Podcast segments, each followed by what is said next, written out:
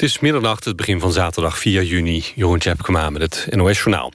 Bij de explosie en brand in Urk zijn vanavond geen doden gevallen. Wel zijn er vijf mensen licht gewond geraakt... van wie er één naar het ziekenhuis is gebracht.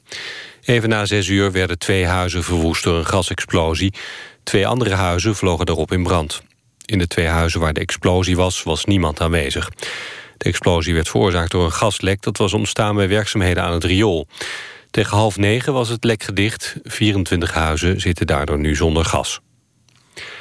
Het Nederlandse kabinet blijft het voorlopig over de kwestie van de Armeense genocide hebben.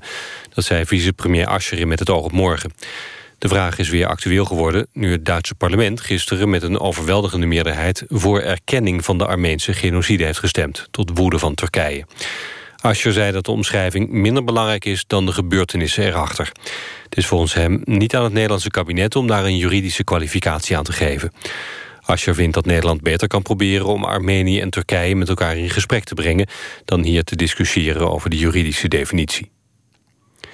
Het Duitse muziekfestival Rock am Ring bij Koblenz is getroffen door de bliksem. Daarbij zijn acht gewonnen gevallen, meldt het festival.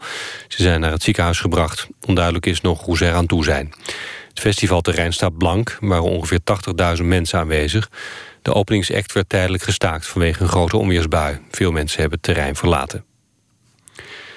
Om een uur of tien zijn de eerste treinen in België weer gaan rijden... ook al hebben de stakers en de spoorwegen geen overeenstemmingen bereikt over hun conflict. Als dat de komende dagen ook niet lukt... willen de bonden over ruim een week opnieuw staken. De Belgische spoorwegen waarschuwen dat de treinen nu voorlopig nog niet volgens dienstregeling rijden. Het weer vannacht klaart het op en ontstaat plaatselijk mist. Morgen schijnt de zon geregeld, maar in het zuiden zijn er meer wolken... en vooral daar ontstaan later op de dag weer buien, soms met onweer. Het wordt 20 tot 27 graden. Zondag weinig verandering. Dit was het NOS Journaal. NPO Radio 1. VPRO. Nooit meer slapen.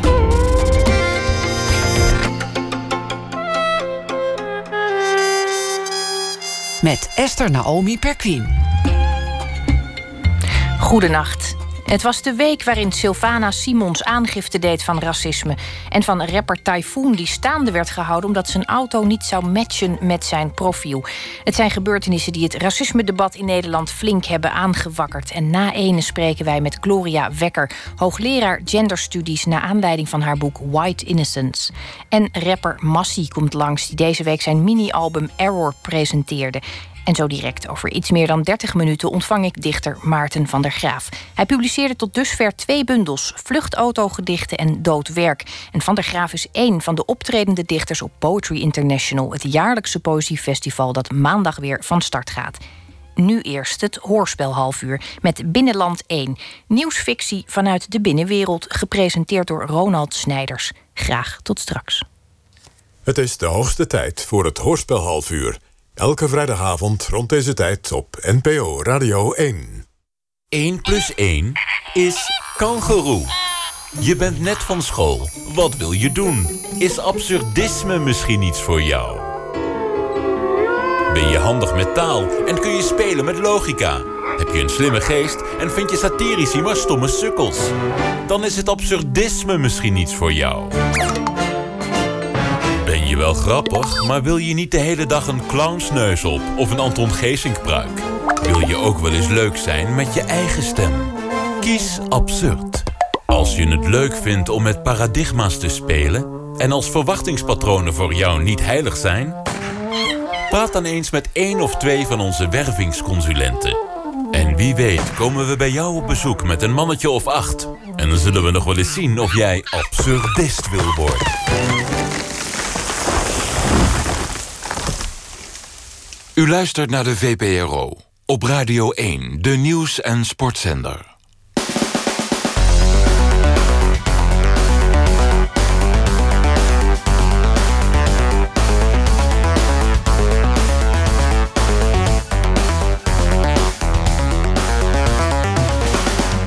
Binnenland 1. Het radiomagazine met nieuwsfictie vanuit de binnenwereld. Presentatie Ronald Snijders. Hartelijk welkom hier op de radio. Leuk dat u meeluistert, thuis in de auto of thuis in uw huis. En als u niet in de auto bent of thuis... gaat u dan snel op zoek naar een radio in de buurt... want het programma is al begonnen. En we hebben veel nieuws deze week. Journalisten die beweren dat dingen met geen pen te beschrijven zijn... verstaan hun vak niet of zouden moeten werken met computers. Dat zegt oprichter van Microsoft Bill Gates vanochtend in de Telegraaf. En u hoort het al eerder vandaag. Vannacht was er in Woudenberg een grote brand in het Andries Knevel Museum.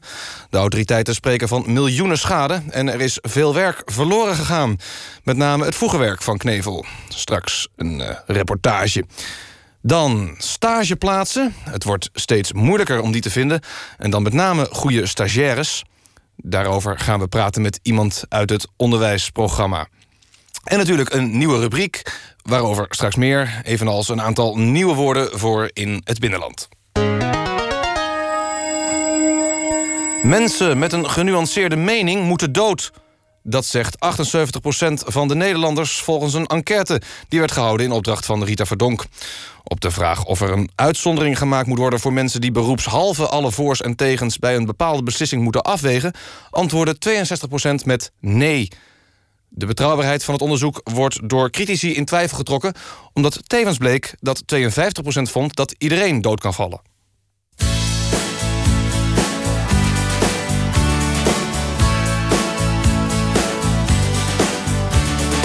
Every time I look into your loving eyes, I love that money just can't buy.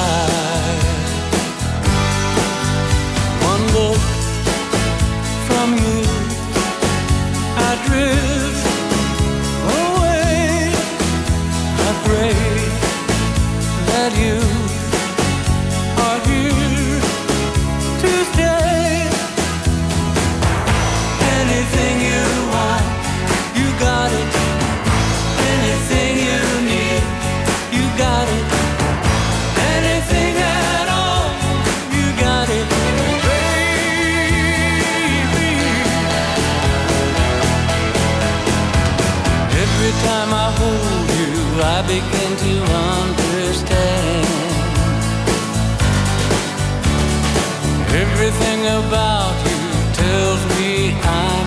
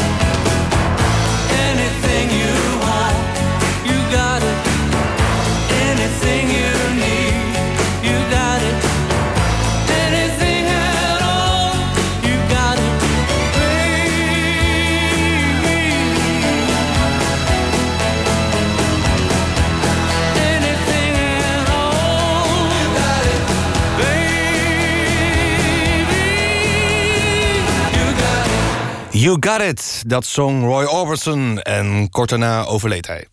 Nieuws van de telex. Nieuws van het morseapparaat. Nieuws. Nieuws.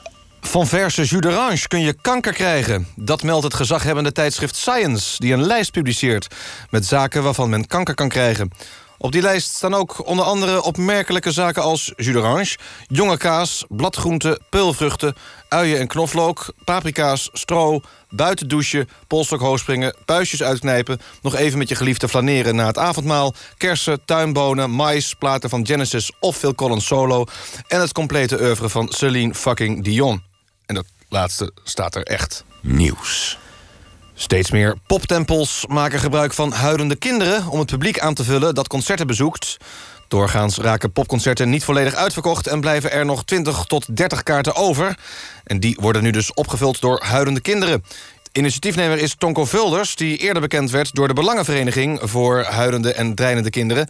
Sinds vorige maand werden reeds concerten van Queens of the Stone Age... en Foo Fighters bezocht door zo'n 50 huilende kinderen. Binnenland 1. Het ene oor in, het andere oor uit. Het Andries Knevel Museum is afgelopen nacht getroffen door een felle brand. De westvleugel en het 13 verdiepingen tellende Kneveldroom brandden volledig uit. Onze verslaggever Chris Niewaard reisde af naar Woudenberg om de schade op te nemen... en sprak met een aangeslagen conservator, Dirk Rogge.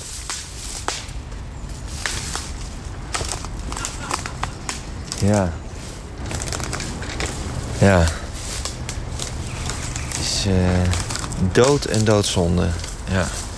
Hier, dit, eh, dit was de zaal met Knevels periode in militaire dienst. Met, eh, met grote stukken van zijn moeder. hier. Dit is nog een stuk uit zijn blauwe periode. Ja, dat is een vrij, vrij obscure periode. En een foto van de bibs van Andries Knevel gemaakt... met een kopieerapparaat in in het EO-gebouw.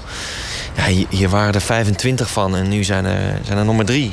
Deze hier, eentje in het Guggenheim en, uh, en eentje in het dossier van de personeelsafdeling van de EO. En hier was het Kneveldrome. Ik zie nu nog de stalen balken van de constructie. Afval ligt glas, heel veel roet, water en modder. Uh, Dirk, kun jij uh, beschrijven hoe het er hier voor de brand uitzag? Ja, uh, het Kneveldrome is eigenlijk een multimediale koepel voor Andries. Uh, waarin bezoekers echt... Uh, ja, god, hoe zeg je dat? Nou, om, om het op stuk Neveliaans te zeggen... waarin bezoekers echt tot de kern kwamen. Het was hier altijd donker. Uh, mensen wisten niet waar ze naartoe moesten. En alles draaide om Andries. En dat is nu afgebrand? D dat is nu afgebrand, ja. ja. Maar kijk, dat kunnen we herbouwen. Dat is vervangbaar. Wat ik veel erger vind, is, is dat we de hele echt bijzondere zaken uit onze collectie hebben verloren. Hè? Denk aan, uh, aan het glaasje water, de wijsvinger, de bril... en, en vooral de, de honderden onderbrekingen en verduidelijkende interrupties... die allemaal uh, verloren zijn gegaan in de brand. En jij denkt dat de brand is aangestoken? Nou ja, wij denken van wel, ja. Uh, de, de, melding kwam bij de brandweer binnen rond het 11 uur gisteravond.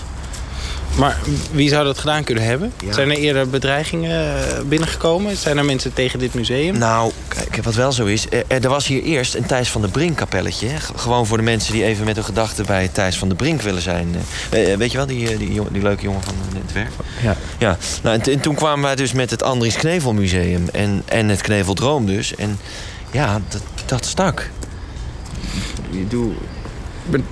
Dus u denkt dat zij de brand hebben aangestoken? Nou ja, er, was wel altijd wel wat kinderzinnen.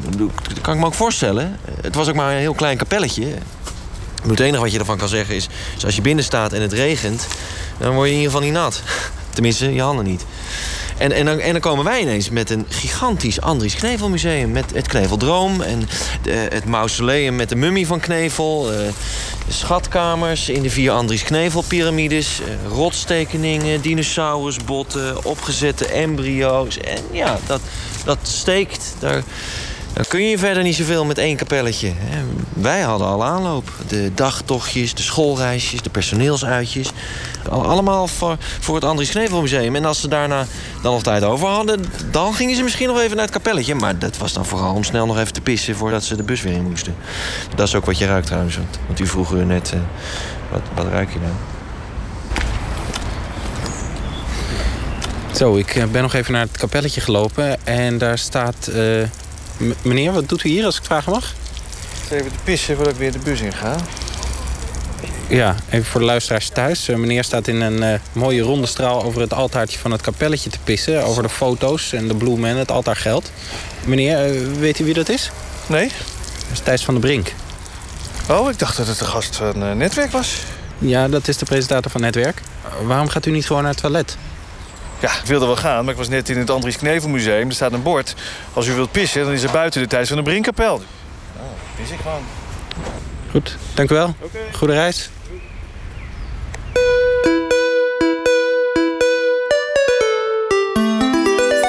Nieuwsfictie. Wat gebeurde er deze week allemaal niet in het binnenland? Rookworstgigant Cadaver Meat Products heeft uitstel van betaling aangevraagd. Het bedrijf heeft de afgelopen jaren zwaar te lijden gehad van de concurrent Unox... dat maar liefst driekwart van het marktaandeel naar zich toe is te trekken. Directeur Karst Vreeland van Cadaver Meat Products over waar het misging. Ja, eh, mis. Het, eh, het is een keuze die wij hebben gemaakt. Eh, dingen niet mooier maken dan ze zijn. Hè? Dat begint bij de naam. Je kunt het slavink, ossenhaas of tournedo noemen, maar het blijft een dood beest. En dat zie je terug in ons etiket, ons aroma en de branding. Kadaver was een ijzersterk merk. Maar ja, de consument moest het niet. En daar kun je concessies in doen. Wij zijn overgestapt op vacuümverpakkingen in plaats van bebloede oude kranten. En de vliegen zijn uit het logo gehaald. Maar kennelijk kiest de consument toch liever voor een eh, abstracte vleesbeleving.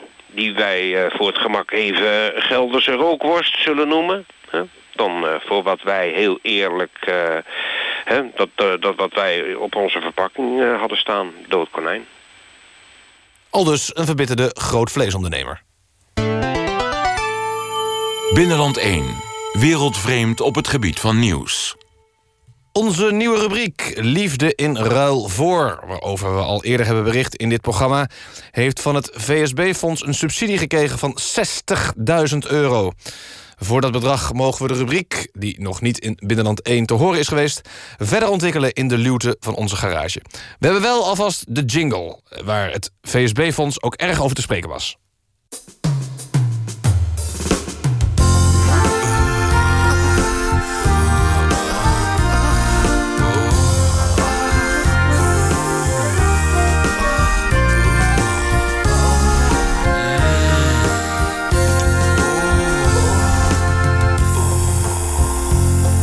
Liefde in ruil voor. Deze week liefde in ruil voor. Ja, en hier moet dan volgen wat er dan wordt geruild eh, voor die liefde. Maar dat dus eh, nog even niet deze week.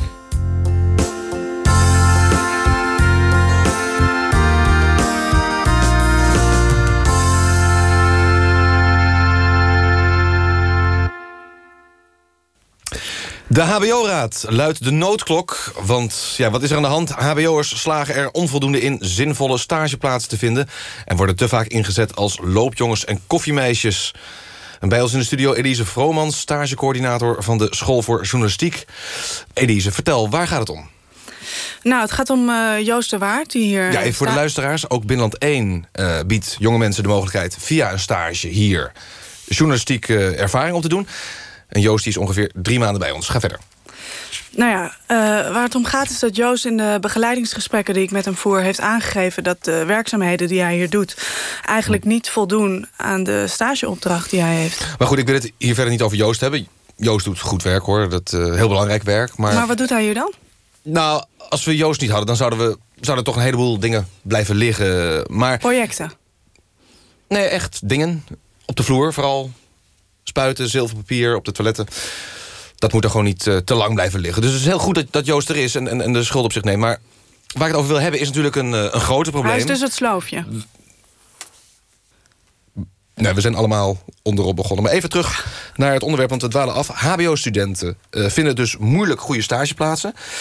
Is dat ook iets waarin de opleiding tekortschiet? In de, voor, Nou. in, ja, in, in, in de begeleiding zeg maar, van, het, van het traject? Ook als de stagiaires op hun stageplaats ergens tegenaan lopen... bijvoorbeeld tegen zo'n schuimrubberen isolatieschot... Er zitten, Pardon? nou, er zitten van die ellendige metalen strips op. Maar goed, dat, dat heb je dan misschien niet op elke stageplaats, zo'n isolatieschot. Maar je begrijpt wat ik bedoel. Het, het kan gewoon voorkomen. En hoe is de begeleiding dan eh, eh, daarin vanuit de opleiding? Want ik kan me voorstellen dat het gebeurt. Zeker als je met een emmer sop in je hand loopt om de kots op te ruimen. Want ik, ja, soms haal je een achterdoor en een borrel af en toe moet natuurlijk kunnen. Maar Ik denk niet dat... het is, nou, het is heel goed dat Joost er is. Maar ik wil het even iets algemener trekken. Is het niet zo, en ja, u moet me maar eh, verbeteren als ik het verkeerd heb... dat vooral de scholen tekortschieten? Met name als het gaat om Joost, in dit geval. Maar even los van Joost. Ik denk het niet. Die begeleiding is voldoende, zegt u, van Joost. Ook de voorbereidingen bij de stage? Wordt dat misschien ook vanuit de opleiding niet, niet, niet, niet genoeg duidelijk gemaakt... wat zo'n stage precies inhoudt? En, en, en ook het, het strafsysteem? Hoe bedoelt u eh, strafsysteem? Nou ja, wij, wij merken aan Joost dat hij daar toch eh, ja, niet helemaal gelukkig mee is. Maar nu gaat het toch weer te veel over Joost. En hij is geweldig. Maar ik denk dat we het onderwerp even wat breder moeten trekken. En laten we zeggen, eh, even wat meer in zijn algemeenheid over stageplaatsen. En, en niet alleen over Joost. Nou ja, hij kwam echt geschrokken bij mij op gesprek. Hij wordt voortdurend vernederd. Ja, maar ik wil het nu niet weer over Joost hebben. Ik, ik begrijp, u bent van het HBO. eh, dat, u, ja, dat u toch even alles een beetje in het praktische trekt... en toch een beetje blijft hangen in zo'n voorbeeld. Maar ik heb zelf een universitaire achtergrond... dus ja, ik kijk wat meer naar de grote lijnen. Komen HBO-stagiaires vaker bij u... omdat ze moeite hebben met het strafsysteem? nou, nee. Dus we kunnen stellen dat in het HBO te weinig wordt gedaan... om stagiaires voor te bereiden op het strafsysteem... en, en dan met name Joost. Hartelijk dank. We gaan door naar het volgende onderwerp. Oh, en uh, is misschien wel een idee als u even contact opneemt... met de ouders van Joost. Um, we gaan door met de volgende gast. Dus u, ja, u zit daar, u moet even weg, de, de volgende gast. Uh, er staat een dienblad. Uh, koffie, graag zwart. En voor de technicus een bron water. Hartelijk dank. We gaan door met het volgende onderwerp. De bimbo-cultuur. we gaan praten met Estelle Vermee. Welkom. U bent een bimbo. Straight out of Compton. Crazy motherfucker named Ice Cube. From a gang called Niggas with Attitude. When I'm called off, I gotta saw it off. Squeeze the trigger and bodies are hauled off. You too, boy, if you fuck with me, police are gonna have to come and get me off your ass. That's how I'm going out. For the punk motherfuckers, it's showing out. Niggas start to mumble, they wanna rumble, mix 'em and cook 'em up in a pot like gumbo. Going off on a motherfucker like that with a gat that's pointed at your ass. So give it up smooth. Ain't no telling when I'm down for a jack move. Here's a murder rap to keep you dancing with a crime record like Charles Manson. My AK 47 is a tool. Don't make me act no motherfucking fool. Maybe you can go toe to toe. Maybe I'm knocking niggas out the box daily, weekly. Yo, monthly and yearly until them dumb motherfuckers see clearly that I'm down with a capital CPT. You can't fuck with me. So when I'm in your neighborhood, you better duck. Cause Ice Cube is crazy as fuck. As I leave, believe I'm stomping. But when I come back, boy, I'm coming straight out of Compton. Coming straight out of Compton. Ja, prachtig. Nina Gordon met Straight Outta Compton. De huisartsen, ze zijn natuurlijk wel vaker in het nieuws. En daarom ook nu in Binnenland 1 aan de telefoon. Hebben wij een dokter, dokter Bossen, dat klopt? Als een bus. Ja. Maar dan zijn we ook meteen bij uw uh, probleem aangekomen, want dat is uw, uw naam. Ja. Ja. Het is heel merkwaardig, maar ik zeg mijn naam meestal niet voluit... omdat dat altijd voor de nodige problemen zorgt. Ja, want voluit is uw naam half tien, dokter Bossen. Dat is correct. Mijn voornaam is half tien. Mijn ouders wisten toen ze mij die naam gaven nog niet dat dat ook een tijdstip was. Uh, en dat is natuurlijk heel vervelend voor mensen die om negen uur een afspraak met mij maken. Want als ze mijn naam voluit schrijven, hm. dan zijn ze een half uur te laat op de afspraak. En dan heb ik alweer een volgende patiënt. Ja, nou heel vervelend lijkt me dat. Lijkt me dat. Is, er, is er een, uh, een oplossing nou, over? meestal zeg ik dus gewoon dokter Bossen. Dus zonder voornaam. Ja. Stel nou dat er patiënten zijn met wie ik echt een band opbouw zodat we elkaar met de voornaam aanspreken... dan zeg ik voor de zekerheid dat ik negen uur heet. Zodat de kans groot is dat mensen toch op tijd komen. Ja. Half tien, dokter Bossen, hartelijk dank. Nou, dat komt mij slecht uit. Tien uur? Beter? Beter, dat is mijn broer. Beter? Ja, mijn broer beter. Vroeger kwam hij ook nog wel eens naar de praktijk. Maar ja, beter, hè? Ja, we moeten helaas door met het programma. Hartelijk dank. Ja, veel sterkte. Waarmee? Neologisme. Nieuwe woorden voor binnenlands gebruik.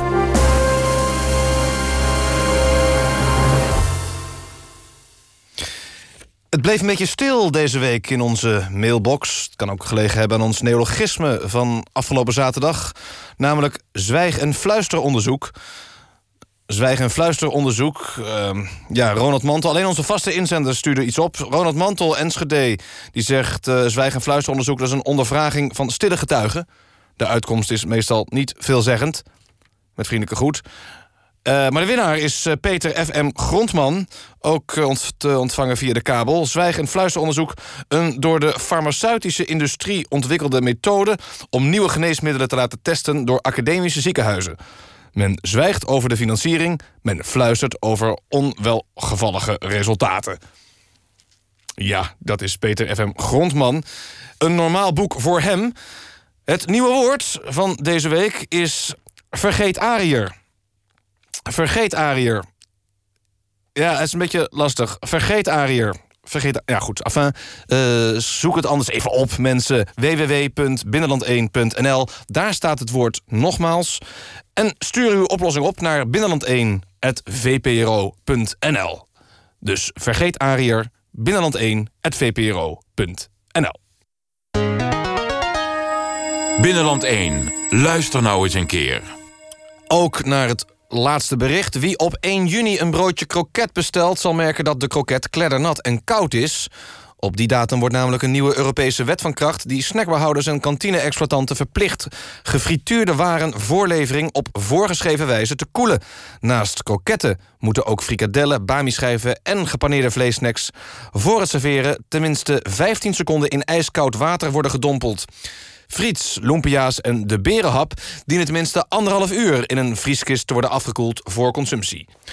Dat was het laatste bericht. Is ook meteen een slecht bericht dus voor mensen die houden van snacks. Uh, maar een goed bericht voor mensen die niet houden van dit programma. Want het was het laatste bericht. En uh, wij gaan er dus mee stoppen. Tot volgende week. Binnenland 1. Pas goed op jezelf. Dat zeg ik bij het afscheid als een laatste groet. Pas goed op jezelf. Vergeet niet om te doen wat je het liefste doet. Maar denk aan een ander, vergeet egoïstisch plezier. Denk ook eens aan hem of aan haar op je eigen manier. Pas goed op jezelf. Dat zeg ik bij het afscheid als herinnering. Pas goed op jezelf.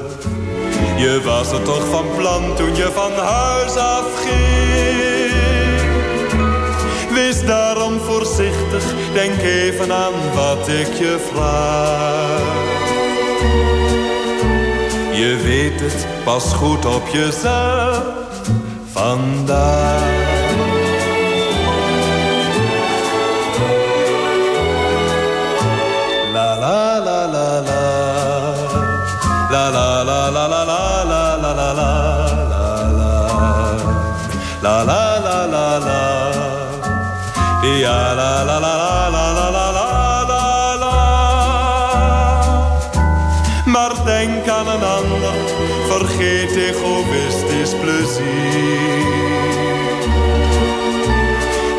Ook eens aan hem of aan haar op je eigen manier pas goed op jezelf dat zeg ik bij het afscheid als herinnering. Pas goed op jezelf. Je was er toch van plan toen je van huis afging. Wees daarom voorzichtig, denk even aan wat ik je vraag. Je weet het, pas goed op jezelf. vandaag. Dag.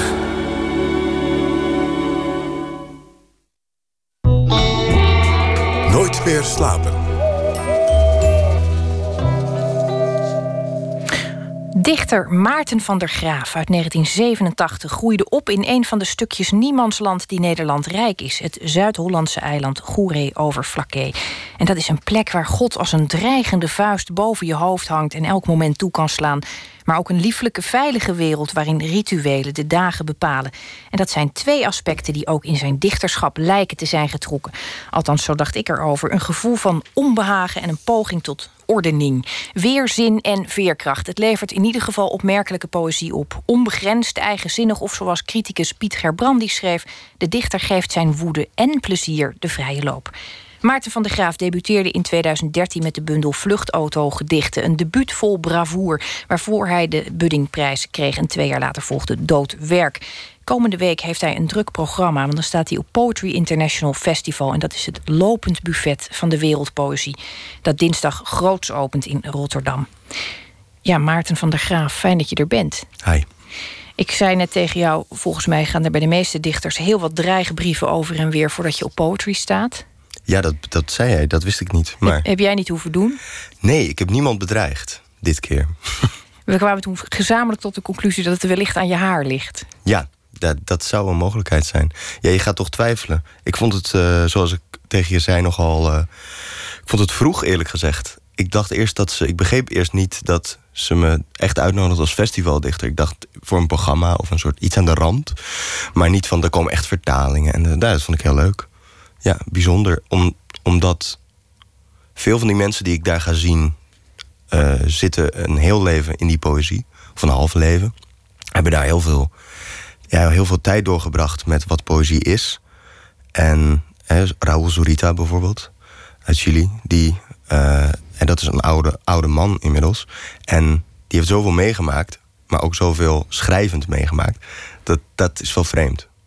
Uh, maar goed, ik kijk, daar kijk ik wel naar uit die mensen te spreken.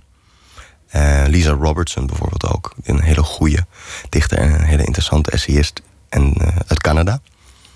Zij gaat er ook zijn. Dus ja, dus, er, dus komen heel veel interessante mensen die ik vooral graag wil ontmoeten. En ik zie het ook een beetje als een kans om daar meer van te leren kennen en die mensen te spreken. Ja, ik, ik, ik, denk toch dat jij voor een deel ook daar wel enigszins geïntroduceerd zult worden als een jonge dichter die in Utrecht magnetron boerenkool hebt zitten eten. dat, dat, dat beeld heeft zich ooit in mij vastgezet toen ik je werk uh, las. Ja. Kijkend naar sitcoms met, met een lachbandje eronder, stel ik me zo voor. Ja, Frasier is het in het gedicht waar je het over hebt. Frasier. Heb ik ook echt veel gekeken trouwens, ja. Maar die magnetron boerenkool heb je ook echt veel gegeten? Nou, toen ik, net, toen ik, ik verhuisde van Goeree Overflakkee naar Utrecht toen ik 19 was. En um, ik ben in die mate, denk ik, een luie, gemakzuchtige tiener geweest... dat ik natuurlijk niet kon koken. Dus ik heb wel heel lang heel vies... of heel lang, dat eerste jaar heel vies voedsel gegeten, ja. En dat deed ik dan soms samen met met een vriend. En dan keken we naar dat programma. Ja, veel van die. Uh, ik kende ook nog niet zoveel mensen in Utrecht. Eerlijk gezegd was ik een beetje eenzaam in het begin. Dus echt een, uh, een beetje een typisch verhaal voor iemand die dan. Ja, oké, wat is het hemelsbreed? Helemaal niet ver verhuisd, maar dan. Ja. Nee, het is een andere wereld natuurlijk. Ja, toch wel. Toch, ja. dat is in Nederland best snel ook hoor. Ik bedoel, je kunt in, in de ene kant van Rotterdam is Mhm. al heel anders dan de andere kant. Maar ik Ja. Goeree overvlakkee. Ja, we moeten dat toch misschien even eh, noemen. Ik ken die streek eh, redelijk. Ehm, ik noemde het al Niemandsland. Ja. Je merkt wel vaak dat mensen nog denken bijvoorbeeld dat het toch bij Zeeland hoort. Nou, dat, dat is niet zo. Dat is niet zo. Daar zijn, is men ook op het eiland, ik noem het vaak het eiland, eh, heel fel op. Het is niet Zeeland. Het is eigenlijk heel raar. Het is nog echt Zuid-Holland. En Zuid-Holland wil het ook niet echt hebben. Het is, niemand wil het echt hebben ook. Nee, daarom moet het ook van zichzelf zijn. En ehm, het heeft net als, als Texel, heeft het, eh, het feit dat, eh, dat men over overkanters spreekt. Dat doen Tesselaren eh, schijnt ook. En Vlakkenaars doen dat ook. Die zeggen, eh, als je, ja, dan, dan ben je van de, van de overkant. Dus dan kom je van over het water. Terwijl het natuurlijk al een brug is sinds de jaren 60 of zo. Maar goed, Ja, dat, dat eilandgevoel dat kan heel diep zitten. Ja. Ik, ik ben opgegroeid op Schouwen-Duiveland, wat Ja. natuurlijk ook niet meer echt een eiland is. Maar Nee. dat, dat, daar, daar is dat ook. Mhm. Ehm, nou is het verschil natuurlijk dat op Goeree Overflakke heeft, heeft eh, God nogal wat vingers in de pap. Ja, het is, het is een hele. Het is echt de Bijbelbelt. Als je die ziet lopen op een kaartje, dan eh, is dat een, eh, ja, aan de kust. Dus daar, uh, Oudorp, hè, een populaire vakantiebestemming bij veel, ook veel Duitsers onder andere, ehm, is een heel erg gereformeerd dorp. Er, het zijn allemaal schakeringen natuurlijk. Hè. De, ene, de ene plek is luchter, zeg maar, lichter dan de andere.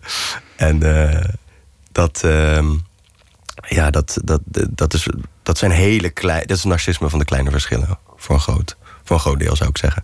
Maar overal, ja, ook de school waar ik op opgezeten. Ik ben er nu veel over na te denken om, uh, voor een tekst die ik aan het schrijven ben. Maar die school was heel, heel gereformeerd. Niet in naam reformatorisch volgens mij. Maar goed, in de praktijk kwam het erop neer dat de docent geschiedenis, een, een, wethouder van de SGP in driedelig zwart, ons les gaf en dan Bilderdijk en weet ik veel, Willem van Oranje en zo besprak.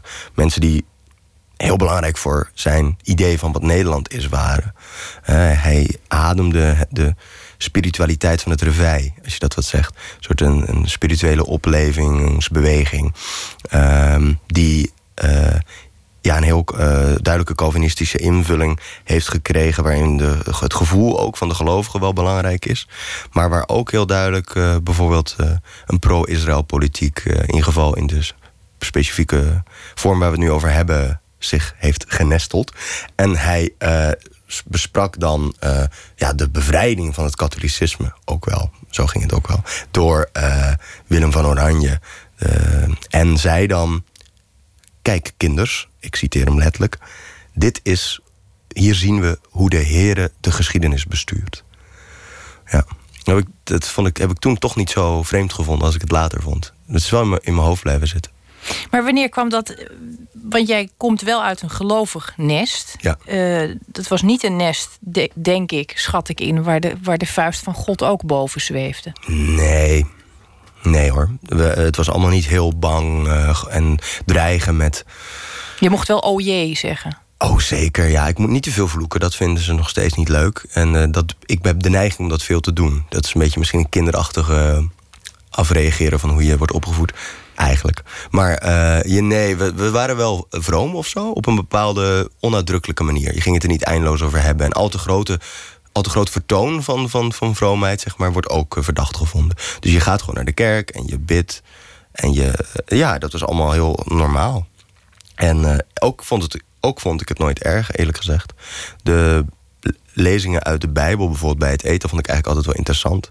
Dat je aan dat eten nog een soort van, ja, interessant, toch vormelijk en inhoudelijk best interessante teksten, dat het hier aan vastzitten. Je daarna nog een psalm krijgt met hele vreemde mm, uitspraken. En, en nou ja, dan uh, soms uh, ging de Bijbel dicht en dan had iedereen daar toch wel een gevoel over. Bijvoorbeeld, weet ik veel, als er een psalm wordt voorgelezen van uh, Heer, breng mijn belagers om. Einde, ik zeg maar wat, zo, hè, zulke psalmtekst. Dan zit je daar allemaal nog naar dat eten van, nou, moet dat nou? zo, dat. maar ja, het is toch de Bijbel. Nee, dan is die boerenkool ook ineens een heel andere kwestie na zo'n psalm. Ja. En, en toch, weet je, dan heb je dat allemaal meegekregen. Dan toch het moment waarop een, een, een docent dan zegt dat de heren de geschiedenis bestuurt, trok jij je wenkbrauwen op. Ja, toen dacht ik toch wel, hmm, wat voor verhaal wordt ons hier verteld? Het is toch een mix van protestantisme, nationalisme, uh, iets wat wordt afgezet tegen, de, uh, tegen, de, ja, tegen het katholicisme. Dat zit nog heel diep in. Dat zit er ook dieper in op dat eiland dan je je nog überhaupt kunt voorstellen. De, een leraar Nederlands die ik niet mocht trouwens. Deze leraar geschiedenis was een hele aardige, interessante man. Die ook mensen die, uh, die, die iets wilden weten van, van, van geschiedenis... en die boeken wilden lezen, die die heel erg stimuleerde. Maar een andere man, wat echt een, een, walgelijke figuur was eigenlijk, laat ik het zo zeggen. Die, uh, die um, ook een SGP'er. Ja, die, die zei een keer tegen een, een vriend van mij, een jonge jongen die uit een katholiek gezin kwam, ja, dat dat toch echt niet kon. Want dat waren beeldenvereerders. En uh, nou ja, hij, hij behandelde hem echt anders omdat hij zijn achtergrond katholiek was. Ja. ja, dat is natuurlijk echt verschrikkelijk. Dat had je ook wel hoor. Dat soort mensen. goed. Maar waar ontstond bij jou de, de twijfel? Ergens tussen het. Dat gaat zo als, als kind. Ik ben ook met de Bijbel opgevoed. Er komt op een gegeven moment een soort kanteling in. Bij mij was het vrij radicaal. Hoewel ik die, die, die, die God er ook niet meer helemaal uitgesneden kreeg. Toen Hoe, die er hoe, helemaal hoe in oud zat. was je toen? Ja, negen denk ik. Oh ja. Dat mijn twijfel begon. God, dat is vroeg zeg. Vind je dat, ja, vond je dit vroeg? Ja, ik denk niet dat ik toen ik negen was er echt... Ik dacht erover na, denk ik. Maar dat, het ook, dat je het ook helemaal niet kon geloven... Nee, vind ik wel vroeg. Ik ben ook wel gelovig geweest, hoor. En best wel een beetje vroom een tijdje lang. Zo van, weet ik veel, 15. Zo. Maar wat gebeurde er tussen dat, dat, dat aannemen dat het Hmm. zo is? Dat, dat leven daarin, in die waarheid... en het moment waarop je voor het eerst die wenkbrauw optrekt? Ja, het specifieke aspecten van, van het christelijk geloof spraken me denk ik aan. Maar, maar anderen ook altijd niet, hoor. Ik bedoel, ik... eh, ja, die, de opstanding van Christus kon ik eigenlijk nooit echt iets mee. Maar het, het, is natuurlijk toch wel heel belangrijk... als je daarin wil geloven, dat je er iets mee moet. Maar goed, ik, het, zat toch meer in die verhalen. Het zat meer in, in eh, bepaalde mystieke auteurs die ik ook ging lezen. Dat vond ik wel heel interessant. Dus het was niet beperkt tot ik ben een soort protestant in. Het was altijd wel. een- Ik wilde een soort van. op zoek naar een soort algemeen christendom haast. Nou ja, dat heeft zich een tijdje dus in lezen geuit voornamelijk. En ik, daar werd ik ook een beetje vervelend van, vind ik achteraf. Ik werd een beetje een soort kleine heilige daardoor, die het altijd beter wist. Weet je wel? Een soort van onuitstaanbaar figuur. Maar dat lezen, dat komt steeds terug. En het aanhoren van verhalen, dat was dus al wel heel snel duidelijk. Ja, ik heb altijd heel veel gelezen. Dat, eh, ehm, ja, dat is heel belangrijk. En het, en het, inderdaad het vertellen van verhalen. Een voorbeeld daarvan is eh, toen ik, even kijken, oud was ik? Zes was, heb ik een eh, half jaar bij, eh, met mijn moeder ook bij mijn oma in huis gewoond. Die woonde in Ridderkerk, dus toen waren we niet meer op het eiland. Waren we in de regio Rotterdam. En eh, toen sliep ik dat half jaar bij haar in bed. Mijn opa was naar de logeerkamer verbannen. En die sliep daar met mijn jongere broertje, die denk ik twee was toen. En ehm, ja, die op, daar was het vertellen van verhalen heel erg duidelijk aanwezig als ik eraan terugdenk. Zij vertelde mij een soort ja, eh, eh, vervolgverhaal, wat ze elke avond eigenlijk weer oppakte. En dat was een verhaal, dat, dat werd niet autoritair door haar verteld, maar ik dwong ook haar eh, richtingen te nemen. En smeekte haar bepaalde ontwikkelingen af. Of kun je niet nog wat meer over dit? En dan soms draai je de rollen dus om. En dan begin jij haar het verhaal te vertellen. Ja, dat was het. Ik weet nog, het heette het Praatbos. Het is verder niet. eh, eh, dat is misschien verder niet belangrijk, maar het ging over dieren die konden praten en die moesten ook gedresseerd worden in dat spreken door een praatmeneer. Dat was het de hoofd, eh, ja, de hotemethode van het bos, zeg maar. En sommige dieren vielen uiteraard terug in hun instinctieve diepten en vermoorden elkaar weer bijvoorbeeld. Waarna ze werden verbannen naar iets wat heel omineus het andere bos heette. Dit klinkt als een droomoma, eerlijk gezegd. Ja, heel geweldige oma, zeker. Maar goed, dan is er nog een stap van dat lezen, de honger naar verhalen, naar het, ehm, het schrijven. En Mhm. we noemden net al even die magnetronboerenkool. Dat wordt nu de leidraad. En Volkomen terecht overigens, want dat is een rol die magnetronboerenkool ook wel eens op zich mag nemen inmiddels. Ja, precies. Je zou verwachten na deze ehm opgroeisessie op zo'n eiland, Mhm. De honger naar verhalen, dan op een gegeven moment komt het moment dat je een studie kiest. Ja. Of je eigen weg gaat. Dat hoeft natuurlijk niet altijd hetzelfde te zijn. En dan had je dus natuurlijk heel goed kunnen beslissen met die honger naar verhalen en die, en die aftocht die je blies vanaf dat eiland. Ik ga eh, letterkunde studeren of Nederlands. Ja. Of, Ja, en waar kies je vervolgens voor? ja theologie. Ja, Ja. nou dat is toch wel iets. eh, Achterlijk, hè? Ik snap die boerenkool ook wel weer. Dat, ik zou me ook eenzaam voelen. Dan heb je net dat hele leven toch. Ja, en dan opeens zit je weer tussen. Ja, zit je tussen theologiestudenten, wat een heel interessante populatie is. Het is natuurlijk ontzettend klein, marginaal. Het werd ook steeds kleiner. Ik ben eigenlijk gaan studeren in Utrecht in een tijd waarin de theologie afbrokkelde. Dus dat is eigenlijk een heel tragische keuze geweest. Het werd ook steeds kleiner en stond steeds meer onder druk. Het werd van zelfstandige faculteit natuurlijk een departement van geesteswetenschappen. Ehm, nou ja, het liep ook leeg. Eh, de student- studentenpopulatie veranderde en eh, was wat minder traditioneel. Dat was wel fijn. En er waren ook nog wel eh, toch best wel wat streng gereformeerde jongens en meisjes die ook gingen studeren. En daar waren ook, ook, ook ja, zeg maar, eh, heidenen tussen. Zoals ik inmiddels eh, moest leren hoe je dat moest doen eigenlijk. Hij, zelf heiden worden. Hoe word ik een heiden? Ja. In tien eenvoudige stappen. Ja. Nou, daar helpt die boerenkool vast ook. Nee, ik ga nu niet de hele tijd die boerenkool grappen maken. Dat, nee, dat wordt hier wel belangrijker dan het is, denk ik. Dat moeten we ook niet willen. Nee, ja, ehm, nee, dat is dus een beetje een vreemde keuze. Je kan het als masochisme zien, misschien. Zo van, moet je dan, of gewoon, hoe zit dit nou? Nou, dat, dat was mijn. Ik heb daar natuurlijk over na zitten denken hoe dat in elkaar moet hebben gezeten. En dan, ik, heb ontzettend de neiging om af te dalen tot eh, psychologie van de koude grond. Hmm. Of zelfs daaronder nog. Hoe? Onder En de grond. Wat gebeurt er als je afdaalt? Nou, dan, dan meen ik allerlei verbanden weer te zien die er misschien helemaal niet zijn. Maar in dit geval dacht ik, iemand die eh, opgroeit dat af moet schudden, dat kun je op meerdere manieren doen. Je kunt daar radicaal tegen afzetten, je kunt, je kunt breken. Ja. Maar je kunt ook proberen dat, dat gebied, dat geloof te heroveren. Maar dan analytisch bijvoorbeeld, of theoretisch. Of, ehm, Ja, precies. Het is natuurlijk een afstand die je ook inneemt door het te gaan bestuderen. Je kan ook iets kalt stellen door het studieobject te maken. Dat is. dat was het waarschijnlijk. Het is Ja. ontzettend mooi dat je dat zo zegt. Nou, ik, ik denk dat, het, dat daar wel wat in zit hoor. Je haalt het uit elkaar. Analyseren is uit elkaar halen. En dan is het dus geen levend geheel meer. Dan is het stuk. Dan is het ook stuk. Het is een manier om het stuk te maken. Het is een vorm van creatieve destructie. Maar je ging naar Utrecht en ik kan me wel voorstellen dat er... ehm, er zijn vast eh, vromere plekken denkbaar om, ehm, om theologie te gaan studeren. Kampen, Oh ja, kampen bijvoorbeeld. Kampen, ja, dat is natuurlijk heel erg aan een denominatie verbonden. Maar Utrecht is gewoon een staatsuniversiteit. Dat is, die heeft geen kleur, geen religieuze kleur. En eh, ja, nee, maar er, lopen een aantal heel geweldige docenten ook rond daar.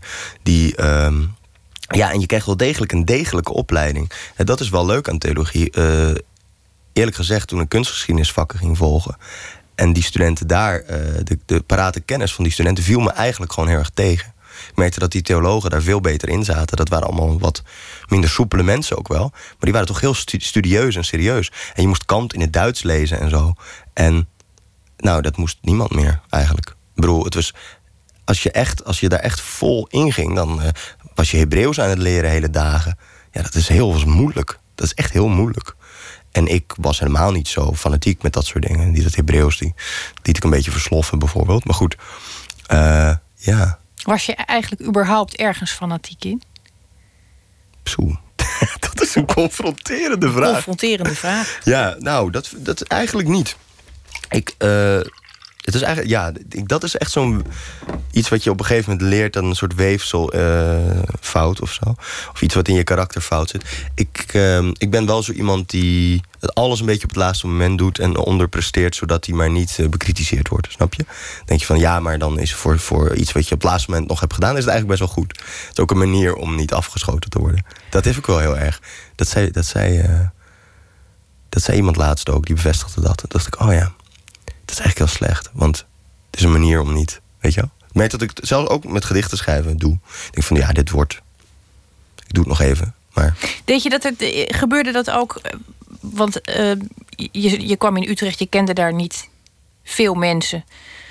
Dan kom je in een soort eenzaamheid terecht. Dat Ja. je nog je weg aan het zoeken bent in die stad en in die studie. En in, in dat moment van je leven. Dat is natuurlijk nogal een, een, een, een, Ja, een knak. Dat is een knak, wel een knak toch wel. Ja, ik zou het ook niet willen overdramatiseren. Het is ook wel gewoon wat er gebeurt. En ik had ook wel vriend, een één vriend voornamelijk die heel van langs kwam. En dan, dat we, die, we werden, we werden bijna een huishoudentje samen. Die, keek dan ook naar Fraser. Ja, precies. Die zat ook met ons daar. En eh, ja, en dan. Ja, we hingen daar gewoon veel rond. En dan ging ik naar een of ander college over eh, wereldchristendom of zo. En dan kwam ik terug en dan vertelde ik wat ik had gehoord. En dan. eh, ja, hij zat op de kunstacademie in Breda, maar hij ging daar eigenlijk nooit heen. Dus hij had heel veel tijd om mij aan te horen. Het was eigenlijk heel gezellig. Dat is een heel. Dat, we, dat was dus was niet alleen eenzaam. Ja.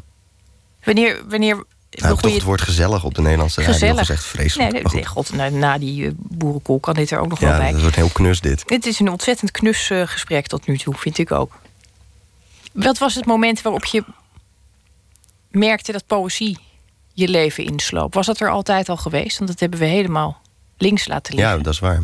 Tussen de bijbelteksten door las je misschien ook wel. Ja, ik las ook helemaal niet zo heel veel in de Bijbel hoor. Ik, eh, ik heb hem wel helemaal gelezen, dat, dat weet ik wel zeker. Ik, eh, Van kaf tot kaf. ja, ja, ja, dat was een opdracht die ik me op een gegeven moment had gesteld. Net zoals dat ik de Koran helemaal wilde lezen, bijvoorbeeld. En de Baken van Kita en zo. Dat heb ik wel allemaal. Ik leerde ook allemaal dingen uit mijn hoofd. Uit van een soort introductie tot het Hindoeïsme boekjes leerde ik dan hele, alle begrippen en zo, wat alles was. Ja. Waarom? Is het ook om het veilig te Ja. stellen? Ja, geen idee waarom. Dat kan ik dus niet psychologiseren. Ik denk gewoon dat ik het wilde weten. En dat ik het dan ook een soort van wilde rangschikken. En dat ik dan wist, ja, het is, een helemaal, het is helemaal geen geleefde kennis. Het is een soort overnemen van iets. Het is ook wel vreemd. Maar goed.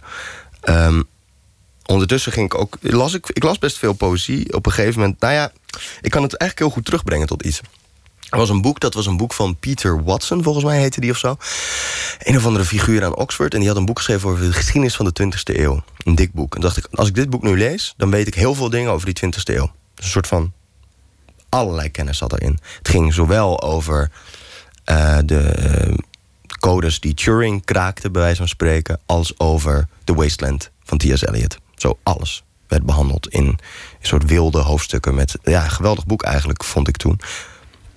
Een beetje conservatieve schrijver achteraf, denk ik. Maar er, was de, er zat wel een mooi overzicht in. En daar viste ik dus een paar auteurs uit op. Waaronder die T.S. Eliot. The Wasteland sprak me eigenlijk direct aan, dat fragment. Want toen dacht ik, wat is dit voor, een, voor iets? En ik had er wel wat gedichten gelezen, maar... de Nederlandse poëzie die ik kende... heeft me toch nooit heel erg aangetrokken.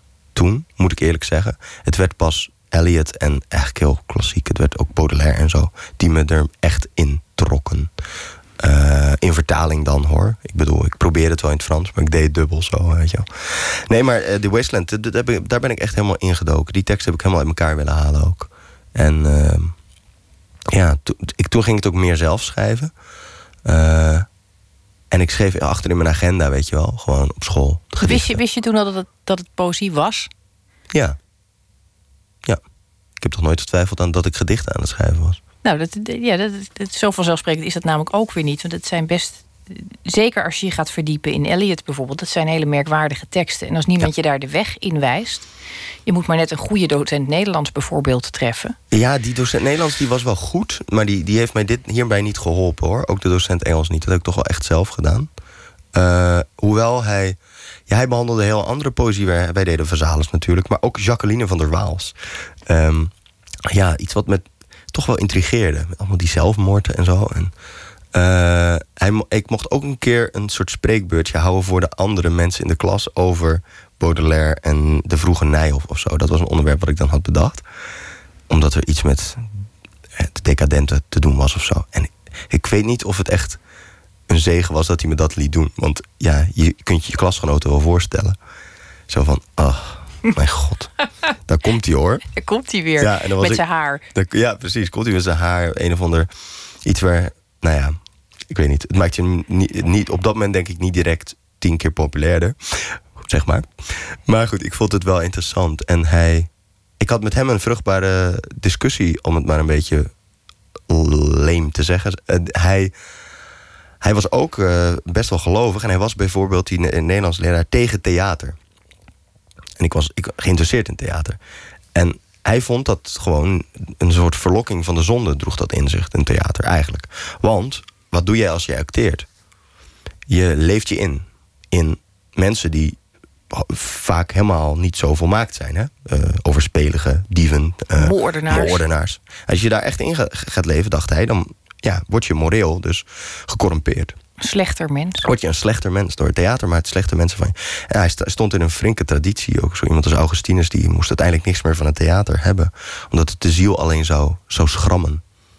En, en als je die wonden laat zitten, schrijft Augustinus, dan gaat het etteren en dan komt er pus uit en allerlei onverkwikkelijkheden.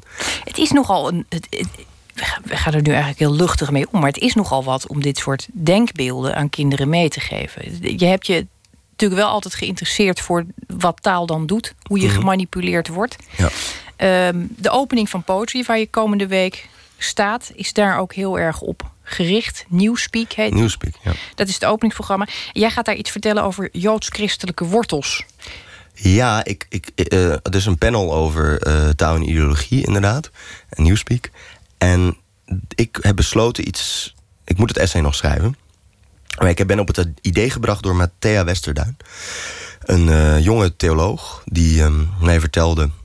dat ze aan de VU zit zij, in een clubje Indecent Theologians zit. Dat klinkt heel mooi, vind ik. En zij vertelde mij eh, over de, dit begrip, wat de wortels van dit begrip zijn. Joods-christelijke cultuur. Iets wat je steeds meer hoort. Je hoort het ontzettend vaak en Ja. het, wordt, eh, nou ja, het wordt geassocieerd met eh, dat wat we echt zijn. Dat is wat we moeten beschermen. Dat is onze zuivere Precies. kern. Ja, een heel verdacht begrip. Dit is een heel problematisch begrip. Want dat streepje hè, tussen joods-christelijk, daar zit echt die ideologie al in. Want wat verbind je met wat? Wie mag dat doen? Dat is de vraag die je moet stellen bij, bij het bestuderen van taal. En die, dat Joodse element, zeg maar, dat wordt er een soort van bijgetrokken op, eh, op, op de termen die niet van Joden zelf zijn. Eh, hebben- Europa als continent kent een gigantische geschiedenis, geschiedenis van antisemitisme. En nu opeens zijn we een Joods-christelijke cultuur. Sinds when, zeg maar? Wat is dit? En ehm, het is natuurlijk ook gewoon een stok om migranten te slaan. Laten we eerlijk zijn. Daar wordt het nu in ieder geval voor ingezet. dus als Wilders Joods-christelijke cultuur... Bedoelt hij niet term- islamitisch. Was die term eigenlijk überhaupt positief, zoals die nu wordt ingezet? Of hebben we hem opnieuw geladen? Dat is dus het fantastisch interessante hieraan. En gruwelijke eigenlijk ook. Eh de, de, de- Matthea heeft mij dus verteld dat dit eh, de theoloog en bijbelwetenschapper Bauer is geweest in de 19e eeuw. Die eigenlijk een zuiver Paulinisch protestants christendom voorstond. En waar hij niet van, Paulinisch van Paulus, waar hij niet van hield, was eh, het katholicisme als volks be- bevlekt eh, door het jodendom. Eh, dus hij zei, de katholieke kerk is eigenlijk... dat is een joods-christelijk instituut. Die heeft, nog dat, dat, die heeft ook dat stramme en wettische van dit joodse overgenomen. En dat, ja, er is een soort van laag element, een soort vermenging. En wij moeten een zuiver, verlicht christendom nastreven... van, een, van Paulinische aard.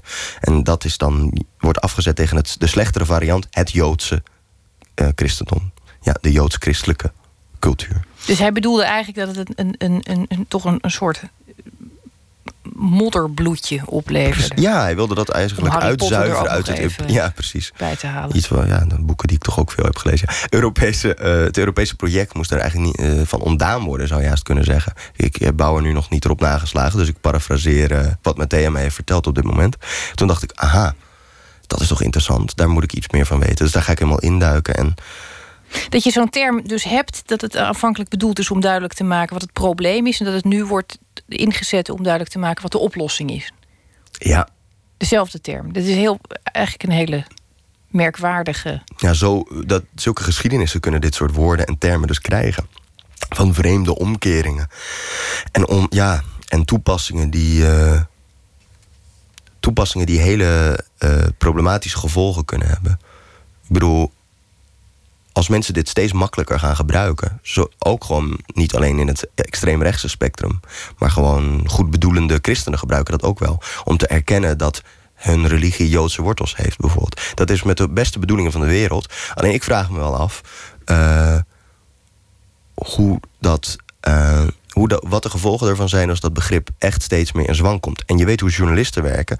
Die besmetten elkaar ontzettend snel. Als een soort van extreme contaminatie. Eh, dus die nemen dit gewoon over. Hè? Straks is het heel normaal om in allerlei krantencolumns... over onze joods-christelijke cultuur te schrijven. Ja, daar, moet, eh, daar, moet, eh, daar wordt wel kritiek op geleverd... maar die moet denk ik eh, zeker breed gehoord worden. Want met een soort opkomend nationalisme... wat eraan verbonden wordt... zie ik daar hele grote gevaren in, eerlijk gezegd. Het is eh, denk ik een heel eh, nuttig iets om erbij stil te staan... wat je met, eh, met, met termen kunt doen als je ze leeghaalt en weer vult. Waar kijk je het meest naar uit als laatste vraag? Het komende festival? De drank? Eh, de broodjes? De broodjes. De vrouwen? Eh, nee, ik, ik, eh, ik kijk het meest uit naar eh, wat ik eigenlijk al zei, denk ik. Het, eh, het, het ontmoeten van die mensen. En het eh, spreken met die mensen. Daar kijk ik wel het meest naar uit. Meer dan, dan nog dan mijn eigen gedichten voorlezen op een podium. Dat, snap je? Daarom is het niet bijzonder. Het is bijzonder omdat er een mix van mensen bij elkaar komt, overal vandaan, die samen iets gaan doen. Ik eh, ga in ieder geval met heel veel plezier naar je luisteren de komende week, ook daar. Dankjewel dat je er was, Maarten van der Graaf. Jij bedankt. Straks na het nieuws gaan we verder met het tweede uur. Dan spreken we onder andere Daniel D. En we gaan het hebben over Arnon Grunberg en Ulrich Seidel... de Oostenrijkse filmregisseur. Dat en meer straks na het nieuws van 1 uur.